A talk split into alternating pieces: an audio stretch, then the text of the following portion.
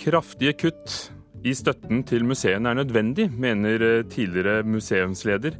Han møter motbør fra sine egne. VG forsøker å snylte på redaksjonell troverdighet med samarbeidet med Rema 1000, sier kommunikasjonsleder og møter VGs redaktør til debatt her i Kulturnytt. Irans fremste filmskaper, Jafar Panais nye film 'Taxi Teheran' gir et enestående innblikk i det iranske samfunnet, sier en iransk journalist som kommer hit til oss. I Nyhetsmorgen i NRK neste halvtimen står Ugo Fermariello i studio.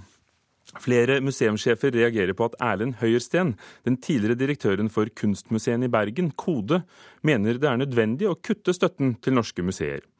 Høyesten sier til Aftenposten i helgen at norske museumsledere er for avhengig av offentlige midler, og oppfører seg som administrasjonssjefer, og ikke som kreative og kunstneriske ledere. Opp og ned trappen til Nasjonalgalleriet i Oslo er det en jevn strøm av besøkende. Noen er norske, men flest er turister, og de vet nok lite om brannfakkelen som Høyersten har kastet ut i den norske kulturdebatten Mexico. Museet fikk i 2015 rundt 280 millioner kroner i støtte fra staten. Direktør Audun Eckhoff synes det er rimelig, og tror ikke på kuttforslagene til Høyersten. Nei, eh, det syns jeg jo ikke. Eh, det er jo helt eh, sunt og rimelig at norske museer har vært med på å få en en økning i tråd med den norske velstandsøkningen. Men i tillegg så er det også viktig å søke andre forankringer, samarbeidspartnere også på privat hold. Høyersten, som nå er direktør for det danske museet Aros i Århus, sa til Aftenposten i helgen at norske museer er altfor avhengig av den offentlige støtten de får. Kutt er sunt, og private aktører bør inn, mener han. Istedenfor å skjære litt og skjære litt og skjære litt, så bør man ha noen grep for å komme i riktig retning. Når man har flere aktører inne, eh, så kan man skape på en helt annen måte. Man kan oppnå på en helt annen måte. Eh, og man kan agere på en helt annen måte enn når det offentlige nærmest står for 95% av tildelingene dine. På Nasjonalmuseet har de meksikanske turistene tatt runden, og nå er de på vei til et annet av Oslos museer do have some highlights in each country. Uh, the, this uh, Van Gogh paint of the Scream. Det ikoniske Skrik finner de også på Munch-museet, der Stein Olav Henriksen er direktør. Også han reagerer på at Høyersten hevder at drastiske kutt er riktig medisin for museene. Jeg mener at uh, dersom vi skal få et bedre kunsttilbud uh, til den norske befolkningen, dersom vi skal få bedre forhold for kunstnere, så er vi avhengig i et uh, lite samfunn som Norge å ha en bred offentlig støtte. Så mener jeg også det at privat støtte, støtte har uh, veldig positive sider. Det skaper en veldig fin forbindelse inn mot samfunnet rundt oss. Så vi har samarbeid med næringsliv, med reiseliv, med andre kulturlivsaktører. Så er det jo fordi at vi ønsker å være midt oppi der samfunnet utvikler seg. Høyersten hevdet at norske museer er ledet av administrerende direktører snarere enn av kreative, kunstneriske ledere. Dette er det ingen av museumslederne som kjenner seg igjen i. Knut Gjøgodt er direktør ved Nordnorsk kunstmuseum. Det er en virkelighet jeg ikke kjenner meg igjen i. Tvert imot. Hvis du ser på hva Nordnorsk kunstmuseum har gjort de siste årene, så tror jeg man ikke kan si at her er det en ren administrasjon. Her er det i aller høyeste grad en kunst, kunsten som står i sentrum. Knut Gjøgodt ved Nordnorsk kunstmuseum i Tromsø til reporter Tone Staude. Kulturkommentator i NRK, Agnes Moxnes. En brannfakkel ble det kalt, det Erlend Høyersten har uh, sagt og, og, og skrevet. Uh, har det tatt fyr? Ja, jeg skal komme tilbake og svare på akkurat det spørsmålet. Først må jeg si at Norge er en ung kulturnasjon. Først etter annen verdenskrig så begynte staten å ta over det fulle ansvaret for museer og de store nasjonale institusjonene. Og etter det så har de gitt uh, kulturlivet en ganske trygg ramme. Så det Erlend Høiersten gjør her, det er jo å si at denne trygge rammen har gjort Museums-Norge kjedelig, forutsigbart og tomt. Så jeg vil si at eh, dette er en brannfakkel, ja. Høiersten mener altså at det er først ved kraftige kutt i museene at, at noe vil skje. Altså, Erlend Høiersten ber her om å bli sett på, altså at man kan søke lærdom hos han. Han har jo jobbet i Bergen og på, i Kristiansand tidligere. Nå er han direktør på Aros ved, på, i Århus i, i Jylland. Det er en by med 350 000 innbyggere, og dette museet trekker over en halv million besøkende hvert år. Og det er mer enn noe museum i Norge eh, er i nærheten av. Eh, og eh, samtidig som han har så store besøkstall, så, altså egen, så skaffer han og museet 70 av inntektene gjennom billettsalg og avtale med næringslivet osv. Så, videre. så det han sier, det er at eh, den økonomiske situasjonen han er i, tvinger han til å være flink til å stille seg spørsmål hvorfor skal vi lage disse utstillingene? Hva, hvilke utstillinger er det som betyr noen ting? Hva er det som overrasker? Og hvordan lager man utstillinger som folk tenker denne utstillingen må jeg se? Og så langt virker det jo som man har lykkes ganske godt med det. Og hvis alle museene var slik, for det er jo de færreste i Europa, hva ville konsekvensene blitt for folk? Ja, Det kan jo være en konsekvens at eh, dess mindre penger det er, så skjerper det museene og vi får bedre utstillinger. Men det trenger jo ikke være sånn. Eh, jeg vil jo si at det er nesten mer interessant hvis staten i mye større grad gikk inn og premierte de som var flinke. Eh, altså at de flinkeste i klassen fikk en påskjønnelse, som f.eks. da Nordnorsk Kunstmuseum under ledelse av Knut Jøgodt, som jo har gjort en kjempejobb mens han har vært eh, direktør i, i Tromsø. Og i dag så virker det nesten som om pengene til de store kulturinstitusjonene deles ut av en slags sånn statlig pengefordelingsautomat, og at man ikke ser hvem som er de gode og hvem som ikke er det. Høyeste mener altså at kulturministeren må være presis etter konkrete mål. Det var noe du var inne på. Eh, men burde f.eks. Nasjonalmuseet klare mer enn rundt 5 i egeninntjening? Er er det noe sånt? Ja, altså At Nasjonalmuseet ligger så lavt er jo et eh, tankekors. Eh, vi ser at når rammene endres for museet, f.eks. da Munch-museet, da det ble gjort, vedtaket ble gjort om at man skulle bygge et nytt Munch-museum, så fikk det liksom fart i hele museet. Eh, de har øker besøkstallene, de er ivrige, flinke til å liksom tydeliggjøre hvem de er, og har fått mye bedre sponsoravtaler, bl.a. da. Mens Nasjonalmuseet, etter at de fikk vedtaket ble gjort om å bygge det dyreste museet i Norge noensinne, er er blitt mye mer stille og nesten mer innadvendte, vil jeg si. Takk. Det sa du, Agnes Moxnes, vår kulturkommentator, som avsluttet bl.a. med å snakke om Munch-museet, og vi nevner at det nye Munch-museet vil koste tre ganger så mye å drive som dagens, rundt 300 millioner kroner i året. Det kommer frem av et budsjettforslag museet selv har sendt til byrådet. Flere vektere, økt bemanning, høyere husleie og større vedlikehold er årsakene til at utgiftene øker, skriver Dagsavisen i dag. Det nye museet skal etter planen åpne i 2019.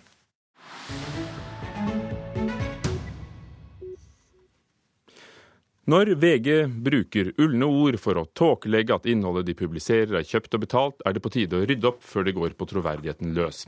Det skriver daglig leder Preben Karlsen i kommunikasjonsbyrået Trigger i en kronikk i Dagbladet. Bakgrunnen er at VG Familieliv, et seksjon med innhold produsert av VG Partnerstudio, en del av VG utenfor redaksjonen, har et samarbeid med butikkjeden Rema 1000 om nettartikler.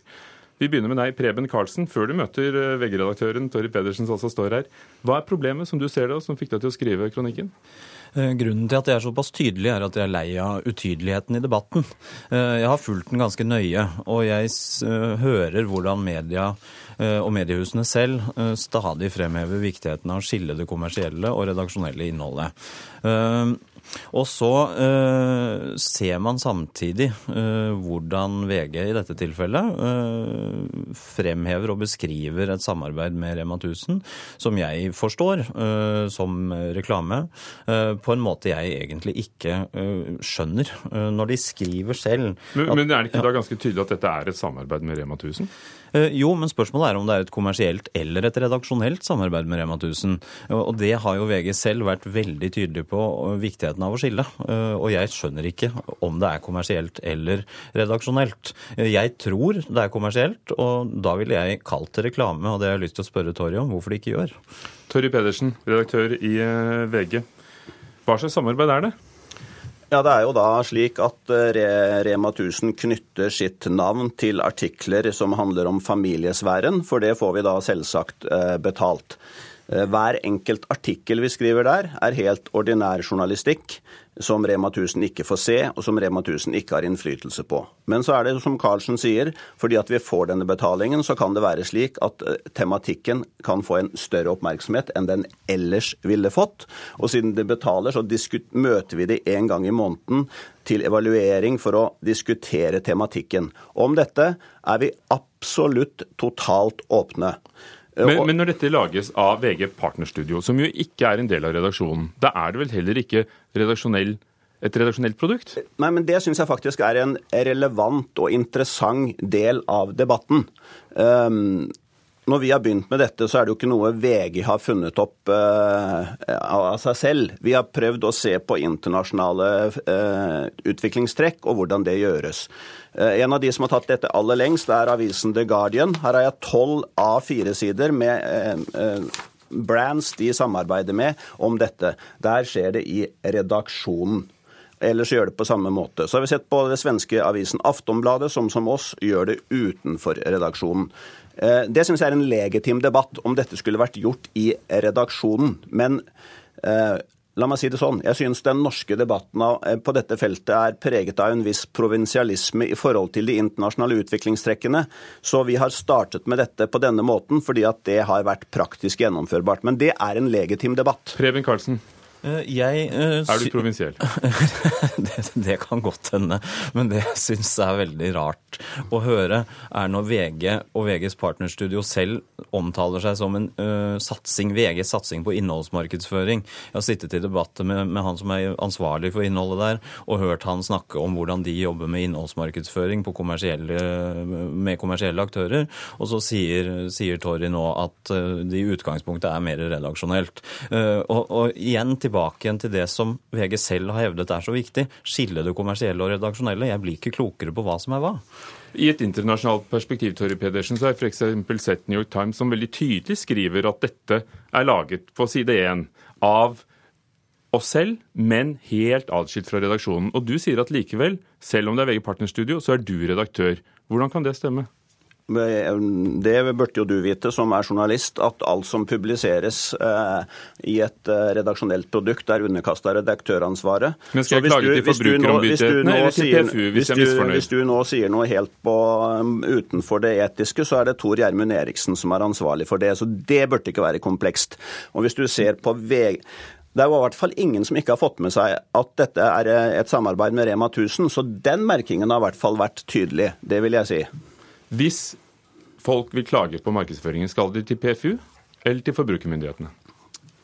De må klage hvor de vil. Det, vi, vi, besvarer de klagene vi får. Vi er underkasta norsk lov og pressens etiske regelverk. Preben Karlsen, som en del av kommunikasjonsfeltet, så ser du vel at mediene ser etter nye veier å lage innhold på og finansiere det. Er ikke dette et hederlig forsøk? Eh, det er et forsøk, og jeg syns mye av det VG har gjort tidligere med sitt partnerstudio, er eh, mer enn hederlig. Det er bra. Eh, men jeg syns de, de, sauser sammen alt i dette Rema-samarbeidet. For jeg forstår fortsatt ikke hva det er. Er det innholdsmarkedsføring, eller er det journalistikk? Eller er det noe midt imellom? Og hvis det er noe midt imellom, så er dere kanskje ikke så opptatt av å skille det redaksjonelle og kommersielle, som dere faktisk sier? Jo, men som jeg sier, så er det hver enkelt artikkel. Hvis du har lest og det har du helt sikkert, så ser du at det er ordinær journalistikk. Men fordi vi får betalt eh, av en kommersiell aktør for dette, så kan det hende at eksponeringen eh, ville blitt større enn den ellers ville ha blitt. Og vi har altså en diskusjon om tematikk. Om dette er vi altså totalt åpne. Akkurat som avisa The Guardian og jeg syns jo det er eh, fascinerende at den avisen i verden som har hatt de største journalistiske eh, avsløringene de senere år, Edward Snowden, hacking-skandalen Skal vi følge argumentasjonen, så setter den altså med åpne øyne sin troverdighet på spill. Eh, jeg vil nok si at jeg kommer til å fortsette å prøve å hente inspirasjon fra journalistiske produkter som er så dyktige som de. Kunne du vært enda tydeligere? Ja, men Det er en helt legitim debatt, eh, og det er viktig. Derfor er det viktig å ha denne debatten. Jeg er like opptatt som alle andre av å bevare journalistisk integritet. Men den største utfordringen mediene står overfor, er at de etablerte forretningsmodellene rives ifra hverandre dag for dag. Og som innehaver av et kommunikasjonsbyrå, Trigger Preben Karlsen, er du engstelig for at, at de spiser seg inn på det feltet dere er på? Eh, I og for seg ikke, men de er en konkurrent på lik linje som mange konkurrenter er i ferd med å bli. Eh, samtidig så er de en samarbeidspartner eh, som vi definitivt kunne tenkt oss å bruke i en del sammenhenger, men da med veldig tydelig merking. Jeg merker at dette er slutt. Takk skal dere ha, Preben Karlsen og Torry Pedersen fra VG. Klokken er allerede blitt 18 minutter over åtte og vel så det du hører på Nyhetsmorgen i NRK, der overskriften er at flere står i kø for, i Oslo og Bergen for å skaffe seg gratis mat. I Israel er det sterke reaksjoner etter enda et angrep mot israelere. Og den kinesiske økonomien har ikke vokst så lite de siste månedene. Siden finanskrisen 2009, altså lavere vekst i Kina. Hamar har fått til å bli et av de ledende stedene for å se performancekunst i Norge. En kunstform som blander teater og billedkunst. Og den årlige festivalen i år, som gikk av stabelen i helgen, har hatt som tema 'bilder vi aldri har sett før'. Og siden det handler om øh, både scene og bilde, er både teaterkritiker Karin Frøsland Nystøyl på plass og kunstkritiker Mona Pale Bjerke. Hvorfor var denne festivalen en nødvendighet for dere? Festivalen har en viktig posisjon som arena for performativ kunst i Norge. Og performancekunst er for alle. Det er ikke bare for de som oppsøker et museum eller et galleri. Kunsten flytter seg ut der folket er. Den oppsøker deg, og den inntar ditt rom. Mm.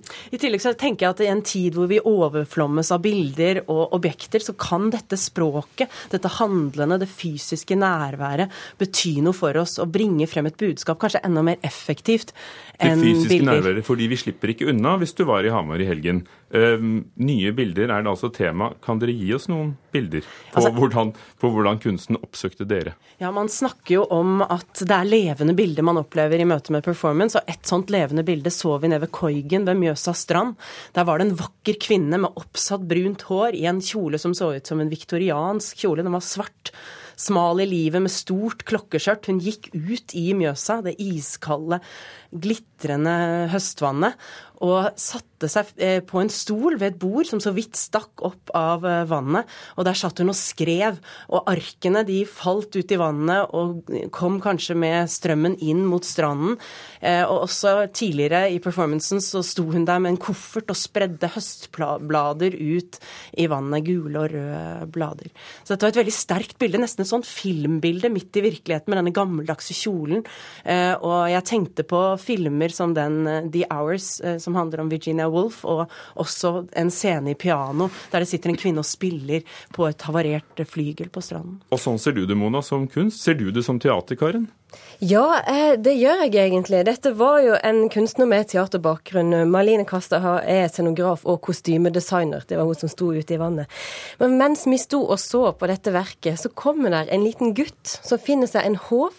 Og så går han og så fisker han opp alle disse arkene og går bort til foreldrene og får de til å lese opp disse brevene som hun har sittet og skrevet ute i vannet. Lese det høyt opp for at han skal få dette brevet, denne flaskeposten eller hva det er. Han var så ivrig i disse sherrocksene sine. Han gikk så langt ut at vannet nesten gikk opp i skoene. sant? Var, var det regissert? Nei, han var bare forbipasserende som syntes dette var kjempeinteressant. Må folk selv delta? Kan vi få lov til bare å se? Noen er engstelige for det å bli dratt opp på scenen. Man kan selvfølgelig få lov til bare å se, men eh, man berøres av det som skjer. Ofte vil jo kunstnerne ha en kontakt med, med folk rundt, og noen ganger så virker det nesten regissert òg. Et verk eh, handler om at man kunne ringe inn til en kunstner som sto i Kunstbanken, og fortelle hva man uroa seg over. Og så, Kunstneren heter Marianne Stranger. Hun tegna da opp på veggen det som folk ringte inn til henne og fortalte at de var bekymra for. Og når voksne ringer inn og vet at andre hører hva du sier, andre hører din bekymring, så blir, så blir det orientert mot eh, flyktningkrisen, mot miljøkatastrofer og sånt. Og, og bildene hun tegna den dagen vi var der, de var veldig like, for det handla mye om store problemer. Det var ingen som ringte inn og sa at jeg er så bekymra, kanskje kona mi er utro, liksom. Så, så der skulle jeg ønske at det var mindre regissert, på en måte. Ja, men I utgangspunktet var det en veldig god idé, det der å registrere publikums angst, og slik involvere virkelig den besøkende. Men når det blir så politisk korrekt, så blir det jo begrenset hvor interessant det er. Da. Så kanskje kunne man tenke seg at kunstneren ville gått mer inn virkelig på klingen og sagt men hva er du virkelig helt personlig eh, bekymret for? Og når de ringer til Kunstbanken, så er altså Kunstbanken den gamle banken som er Hamar eh, kunstsenter, som arrangerer eh, performancefestivalen. Den er over for i år, for det skjedde i helgen. Den kommer tilbake til neste år. Er den verdt et besøk? Å ja, en performancefestival som den på Hamar har utrolig mange flotte opplevelser for den som har øynene åpne. Ja, det er jo det, og det er, og det er, veldig interessant dette språket, fordi at det treffer oss, og det går ut i gater og torg. Og det har de virkelig fått til i år, at de er ute blant folk. Og der er jo potensialet at folket kan få et eierskap til denne festivalen. Og når dere så rundt dere, er det, er det mange som ser? Nei, jeg tror ikke det. Det virka ikke sånn. Det var få som kom på performancene inne i Kunstbanken. Det var få som fulgte de som gikk rundt og hadde, hadde steiner hengende fra panna og gikk rundt og gjemte seg i blomsterpotter og lyng. Men de var der, og folk registrerte registrerte det, men det var få som kanskje visste at dette var kunst som de kunne følge. Takk skal dere. Karin Frøsland Nystøl her til slutt, teaterkritiker, og Mona Palle Bjerke, kunstkritiker eh, i NRK. Så er det mer om performancefestivalen i eh, Hamar på Kulturhuset i P2 klokken 13 i dag.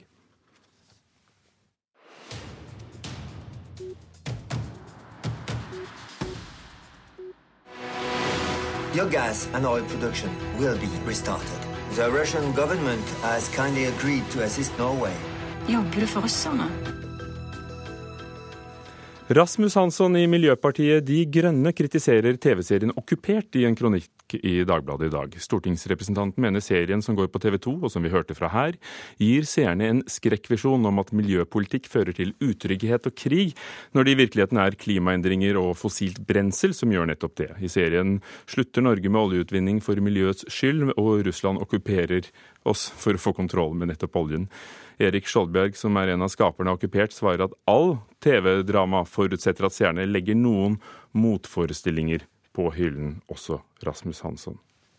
On and on the rain will fall like tears from a star, like tears from a star. Dette er Sting. Han opptrådte under årets TV-aksjon på NRK i går kveld, og bassgitaren hans med signatur ble auksjonert bort til over 155 000 kroner. Så langt viser opptellingen at det er samlet inn nesten 183 millioner kroner til Regnskogfondet fra årets TV-aksjon, og vi satser på at Sting har flere gitarer å ta av. Og så er det store forventninger blant noen til dette. The force is strong in my.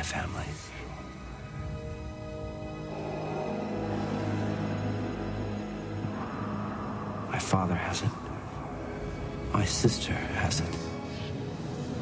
You have that power. Dette er fra den nye Star Wars-filmen The Force Awakens. Kraften våkner, som får norgespremiere om to måneder.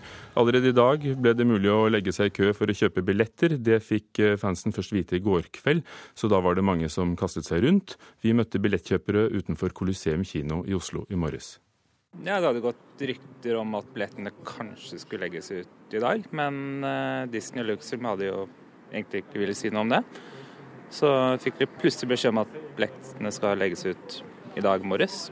Og siden jeg har fri i morgen, så måtte jeg egentlig bare kaste meg rundt og komme ned hit til Colosseum. Sa Espen Mikkelsen, en av de første i Star Wars-billettkøen.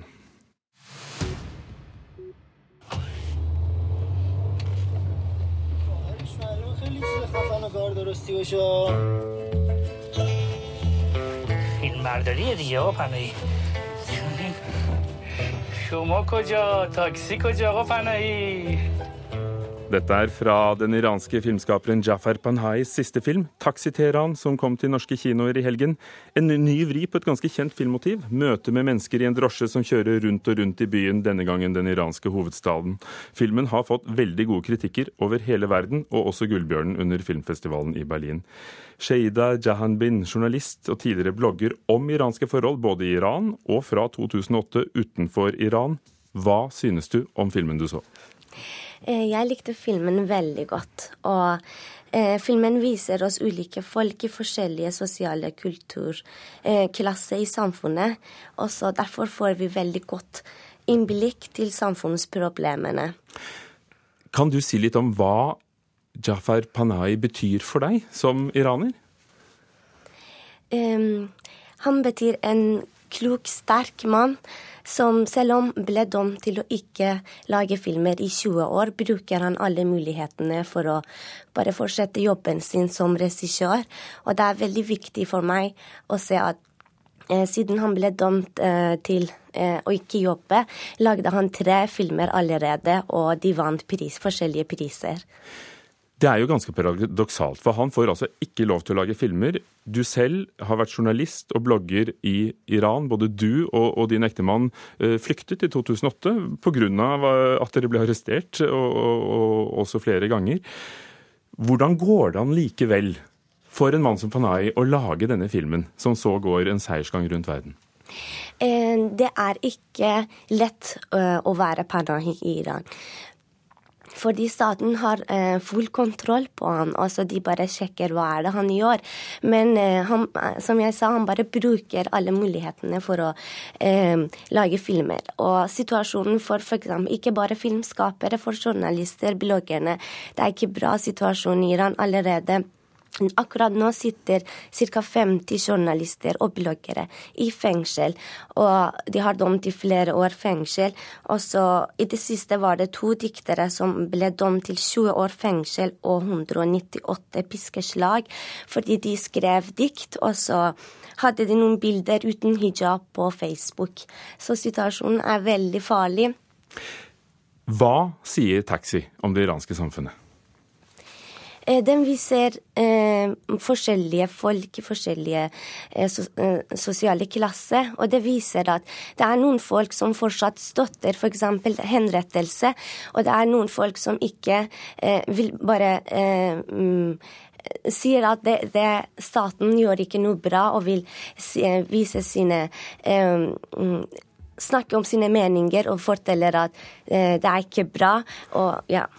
Takk skal du ha om filmen 'Taxi', Sheida eh, Jahanbin, journalist fra Iran. Dette var Kulturnytt i Nyhetsmorgen, som var ved Vidar Sem i dag.